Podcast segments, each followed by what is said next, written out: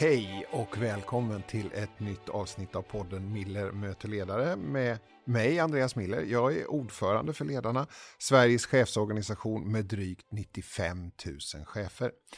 Vi finns till för dig som är chef och ledare på alla nivåer och i alla samhällssektorer.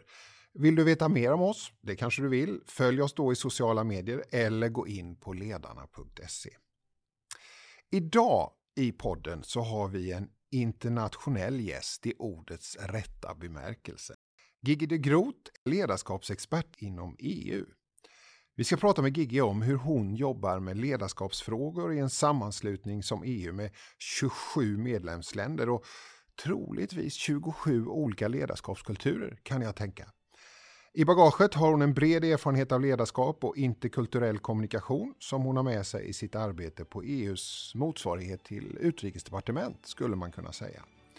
Varmt välkommen till podden Gigi. Tack Andreas.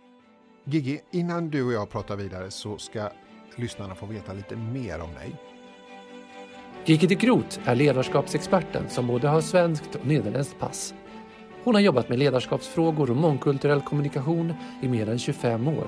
Hon har bott i bland annat Finland, Polen och Kina och varit VD för ett bolag inriktat på interkulturell kommunikation. I september i år flyttar hon till Bryssel för att ta sig an jobbet som ledarskapsexpert inom EU på CPCC, Civilian Planning and Conduct Capability, som är en del av European External Action Service, EEAS. Där är hon ledarskapsrådgivare i flera internationella projekt och stöttar 200 chefer och ledare på olika nivåer.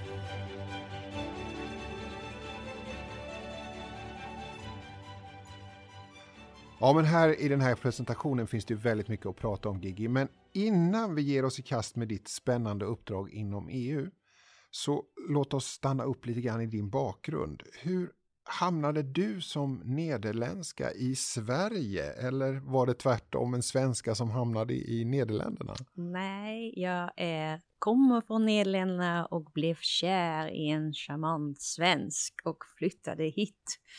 Um, så det var väldigt enkelt kan man säga. Uh, och det var det verkligen enkelt. Så jag tyckte att det skulle vara kul att flytta till ett land som från kulturellt perspektiv i teorin är rätt lik den nederländska kulturen. Så jag tänkte, det ska jag väl testa. Hur, hur lik är verkligheten det som teorin säger? Ja.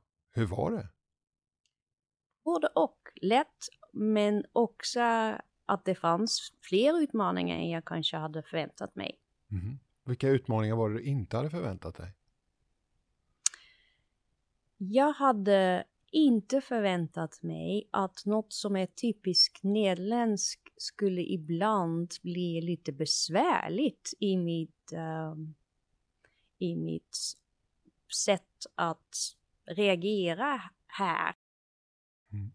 Jag var med om en, e, ett sammanhang, jag måste testa den och se vad du tänker om det. Jag var med i ett sammanhang, ett europeiskt sammanhang Eh, och där jag ställde en väldigt rak fråga om, eh, där den som ledde mötet, jag ställde frågan, har ni pratat om det här ämnet?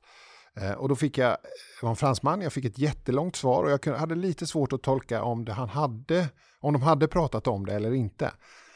Men då satt det också på podiet en skandinav eh, som tog till orda och så sa han, eh, så sa han, vi pratade engelska allihop då, men då sa han det att eh, ja men nu har du fått det franska svaret på din fråga och jag kan bara säga att det skandinaviska svaret är nej. Ja, och, och, ja. och, eh, det blev så, ja det blev ett skratt i salen så att säga runt det här. Men vad tänker du om det där? Alltså jag fick först ett långt, långt svar som egentligen var ett nej. Ja, och det är det är också kommunikationsstil där vi skiljer oss. Och um, om jag nu skulle ha en tavla framför mig, då skulle jag rita skillnaden i form av, kan man säga, en, en cirkel där um, vi här i Norden får en, får en fråga och börjar med svaret och kanske lägger till lite, men that's it, slut i det franska men även i det italienska eller spanska sammanhanget börjar man först med kontexten för att sen då komma till slutet till punkten. Um, och varför gör man så? Man gör så för att kontexten skapar att du kan visa att du är kunnig, att du kan visa att du har förstått helheten. Eh, det handlar också om att det skapar en trygghet att all information är med. Och det, det är där vi än inte möts då, där vi har olika behov.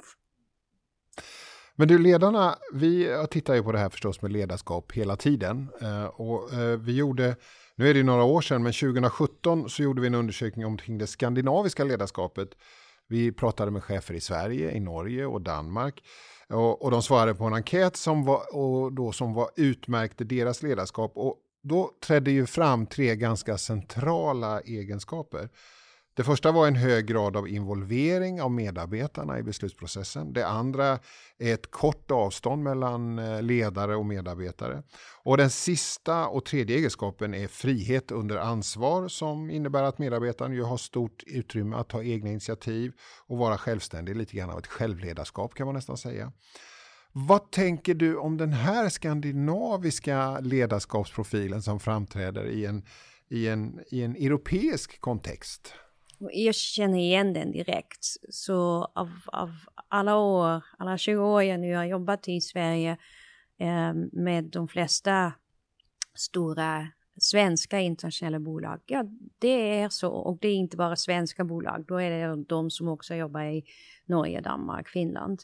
Um, och, och, det är också en um, så jag är inte överraskad över resultatet för om man använder sig av teorier eller modeller som kan säga någonting om kulturella skillnader, då bekräftar också de modeller det här beteendet. För det är en kombination av det som man då kallar för icke-hierarkisk eller i alla fall relativt platt organisation.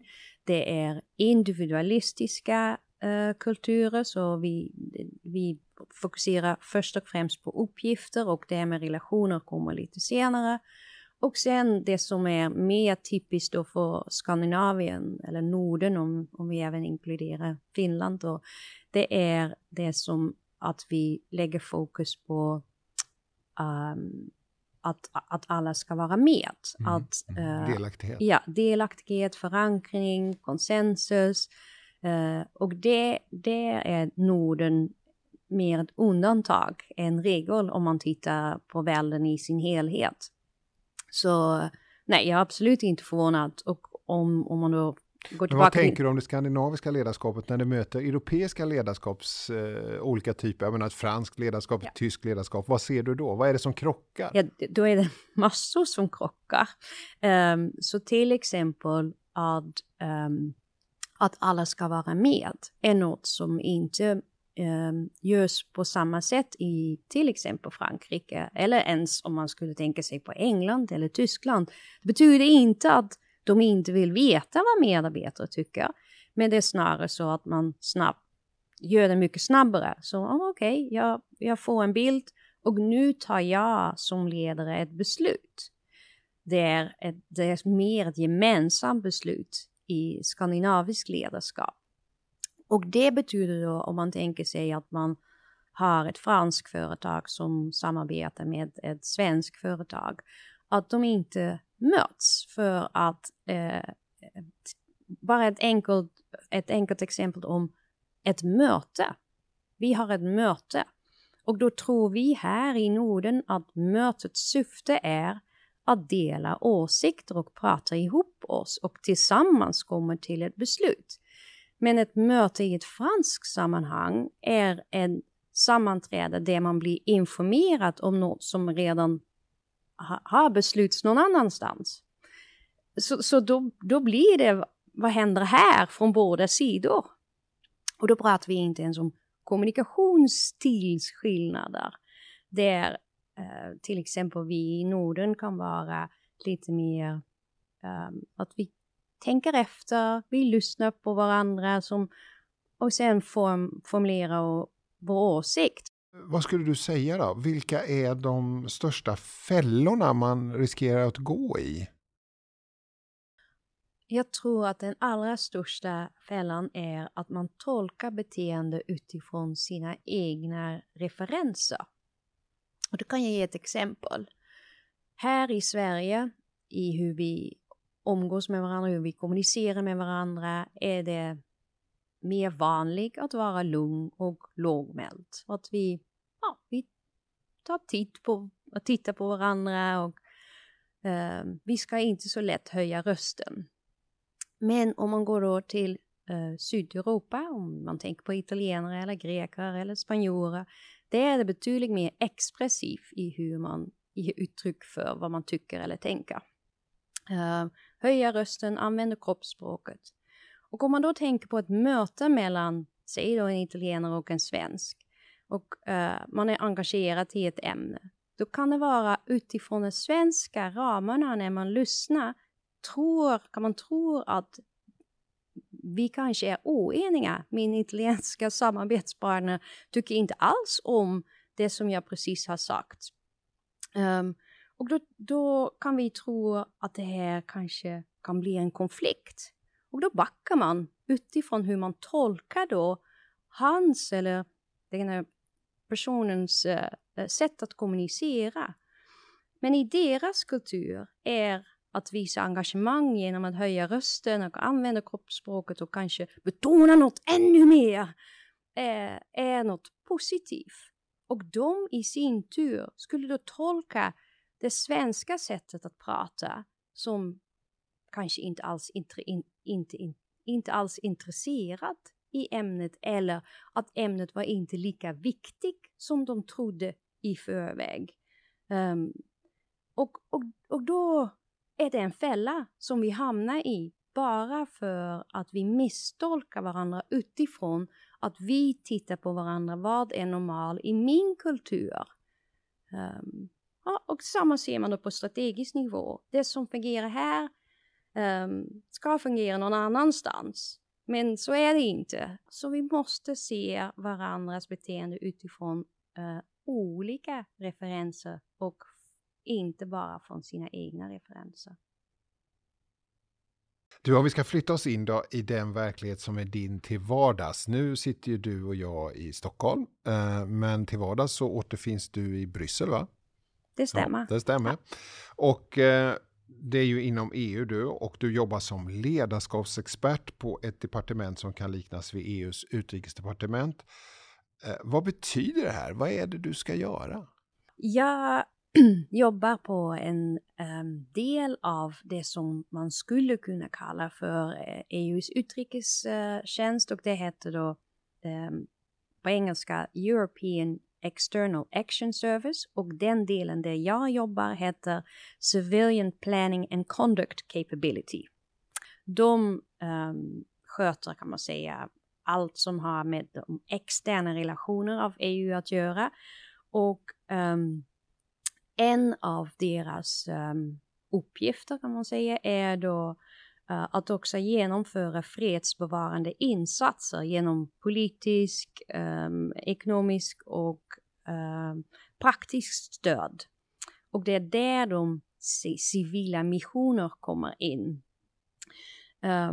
för en, en mission, uh, eller ja, en, en mission finns på grund av att EU tycker då att man ska hjälpa med krishantering eh, och återuppbyggnad av länder som Kosovo, Ukraina, Georgien, Somalia, Mali, Libyen, Palestina för att nämna några. Uh, och um, min roll är då att stötta ledare som jobbar där på plats i de länderna, i de krishanteringsmissioner med att uh, återuppbygga av staten där. Mm. Att stötta dem med deras ledarskapsfrågor. Mm. Och vad är det då för ledarskapsfrågor du stöter på? Uh, det är då krissituationer i länder, om man tänker på det som hände i Kosovo för några veckor sedan med uh, gränsproblem med Serbien. Det är um, Eh, situation, det som ledare också utmanas av är de olika nationaliteter, men också att de som jobbar där har antingen polisbakgrund, militär bakgrund eller civil bakgrund. Och det är den kombinationen av komplexiteten av mycket rotation, eh, kort, eh, människor som är relativt kort i de rollerna, i missionerna, olika nationaliteter, olika militär, polisiär eh, bakgrund, som är så oerhört komplex att de ibland sitter där och inte vet var de ska börja. Uh, och då kan de då få hjälp med, det kan vara um, ledningsgrupputveckling, det kan vara facilitering av ett möte, det kan vara bokstavligen ledarskapsutbildningar för sina mellanchefer. Ja, sådana saker. Mm. Och, och, vad gör du då, då när de ringer och säger du den här, jag vet inte vad jag ska göra, den här ledningsgruppen funkar inte, vad, vad gör du då? Ja, så första steget är att hjälpa dem inse de uh, olika beteendemönster som de själva bär på sig. För att sen då prata om, men vad, vad blir bra för oss? Vad, på vilket sätt kan, kan vi göra ett bra jobb?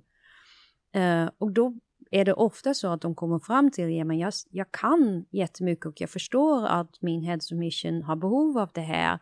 Um, och jag kan inte sitta och vänta tills han eller hon ber om det, för då är det kanske för sent. Så då kommer de till att de själva kommer överens om hur, hur ska vi då um, förhålla oss till varandra när vi har våra veckomöten eller vad är vår roll? Så då, då kommer man verkligen in på att de tillsammans ska komma överens om syfte, roll, eh, mål eh, och göra någon form av spelregler eller team charter eller vad man nu vill kalla det för som ett första steg att, att de blir mer effektiv i sitt samarbete internt.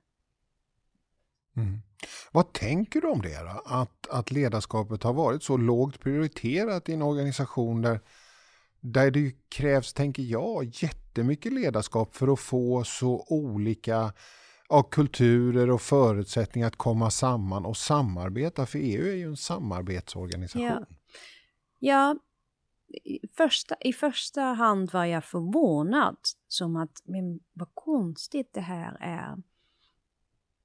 Och nu, nu jag är där ett, ett, ett, litet tag förstår jag lite bättre av att den uppgiften som EU i sin helhet, men också självklart den lilla delen där jag sitter med, är så pass stor att det därför behövs en, en jättetydlig fokus på aktiviteter.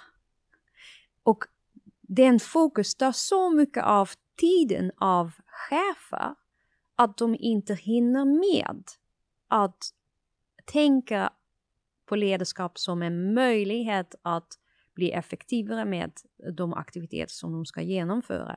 De ser det tyvärr fortfarande som något jobbigt som läggs på. Um, och det är där jag hoppas att jag kan bidra med att göra en, en förändring, att de ser möjligheter med att uh, bli bättre i sin roll uh, som chef med användning av ledarskapsverktyg. Du, hur är det då att vara chef i en EU, EU-sammanhang, en EU-institution? Är det, är det mycket regler, byråkrati, eh, långsamt? Vad, vad skulle du säga? Ja, det skulle jag väl säga att jag tror att de flesta som har en bild av långsam byråkrati, att det stämmer. Och jag hade önskat mig att jag skulle kunna säga nej, det är inte alls sant. Men um, um, uh, man behöver tålamod. Um, Ehm, det är byråkratiskt, det är väldigt uh, många regler. Mm. Det är um, mycket, mycket administration. Och det är också något som uh, jag tror eh, gör det hela med ledarskap lite svårare för, för perspektivet av en som eventuellt vill bli chef är det här med administration. Så deras första tanke är snarare, kan man säga, management än ledarskap. Jag ser också att det är väldigt kompetenta människor med en spetskompetens som aldrig kanske hade tänkt att bli chef. Men det är det enda sättet att, ja, att göra karriär. göra karriär. Och sen då när de väl har blivit chef, då behövs kanske i mindre utsträckning deras spetskompetens och uh, mer då administrativa förmågor. um, så ja, det är, det är inte enkelt att vara chef inom EU-institutionerna. Du, men nu när du jobbar då som ledarskapsexpert, vad, vad, är det för ledarskap du lyfter fram? Vad är det för ledarskap du vill liksom, accentuera? Det finns så mycket att säga där om man tänker att, att det är inte så mycket fokus på ledarskap. Så min första um, sak som jag jobbar med nu är att, att människor ska inse att ledarskap och ledarskapsförmåga, kompetenser hjälpa dem. Så att de blir nyfiken på vad kan jag lära mig? Vad finns det då för saker som kommer hjälpa mig? Um, och det, ja, det går att göra på olika sätt. Så just nu till exempel i den världen som vi lever i är uh, mötestekniker ett sätt att hjälpa att se, att hjälpa dem hur man kan leda online-möten på ett annorlunda sätt. Um, och där var jag kanske lite naiv för att ge ett exempel av hur saker går till och gå tillbaka till din fråga, hur är det att vara chef inom EU? Min första veckorna på jobbet um, hade vi en hel del online-möte. Och uh, till min förvåning, när man loggar in, uh, hade inga kamera på. Det tyckte jag var konstigt. Så självklart satt jag, jag sätter på kamera och jag började småprata lite tills då chefen kom in. Um, och um, ser då att enbart chefen sätter på kamera. Och då tänkte jag, ja men det kommer jag ändra. Det är en sån sak som lätt går att åtgärda och det har vi alla att vinna på. Så nästa vecka och veckan därpå och etc. Jag fortsätter. Och jag fortsätter vara den enda som har kamera på. Och då kommer då efter, vad vet jag, fjärde eller femte möte, då kommer jag upptäcka för första gången varför ingen har kamera på. För jag trodde i min naivitet att det var ett, eh, en ovilja, eh, att man hellre vill göra något annat och det är ändå väldigt mycket monolog i de här mötena så då gör jag snabbt ett mail. Men nej, när man då sätter på allihopa kamera, då kraschar systemet. För i den miljö där jag jobbar är säkerhet så pass viktigt. Jag sitter i en byggnad med militärer, jag sitter i en byggnad där även det finns någon form av EU-CIA. Så, så våra datorer behöver fem gånger inloggningssystemet. Så de tål inte att man sätter på kamera. Okej. Okay. Så, så då förstår man igen, okej, okay, hmm, så enkelt var det inte att ändra något som jag trodde var relativt enkelt. Uh, så då förstår jag också att en chef då till slut tänker, men vad kan jag göra om man gång på gång hittar saker som är svårare än vad man trodde från början? Men du, nu när du kliver in i det här, har du någon, att möta så här mycket kulturella eh, olikheter inom EU och eh, du ska jobba med interkulturella projekt och så. Har du någon specifik metod? Hur, hur jobbar du? Hur, hur kommer du in med ledarskapet? Mm, ja, det har jag verkligen. Så om vi tänker på um, det med kultur, för det är ändå min passion och jag tror väldigt mycket på att det kan hjälpa människor. Då, uh, då börjar jag alltid först med att hjälper människor att förstå sig själv. Vad är det typiskt med mitt eget beteende och vad är det då som skiljer sig från de som, mina medarbetare eller de som jag ska samarbeta med? Så nästa steget skapa förståelse för de beteenden av andra människor. Och efter det, eh, det kallar jag då för medveten eller awareness som ett ord som oftast används där. Men det räcker inte, för man ska också inse um, hur mycket du då själv, um, när du tar ett beslut, uh, att du blir medveten om din omedvetna handlingar kan man säga, hur mycket din kultur styr dina egna beslut och uh, din syn på saker. Um, Eh, och tvärtom då också av andra människor. När man har förstått det, då kan man börja med en dialog om men hur vill vi ha det? Vad är faktiskt funktionellt för oss? Jag gillar inte att prata i termerna av vad det är rätt eller fel. Ehm, jag tror snarare på att man måste tänka att i vår situation är detta beteende det bästa eller är detta det mest effektiva? Och om man då tillsammans har kommit överens om att i vår miljö, i vårt sammanhang, är det det här som kommer att hjälpa oss, då kan man då kan man säga tillsammans skapa något som jag skulle kalla för en tredje kultur. Den kulturen som man vill ha i sin arbetsgrupp eller i sin division eller eh, i sin organisation. Så det är steg för steg.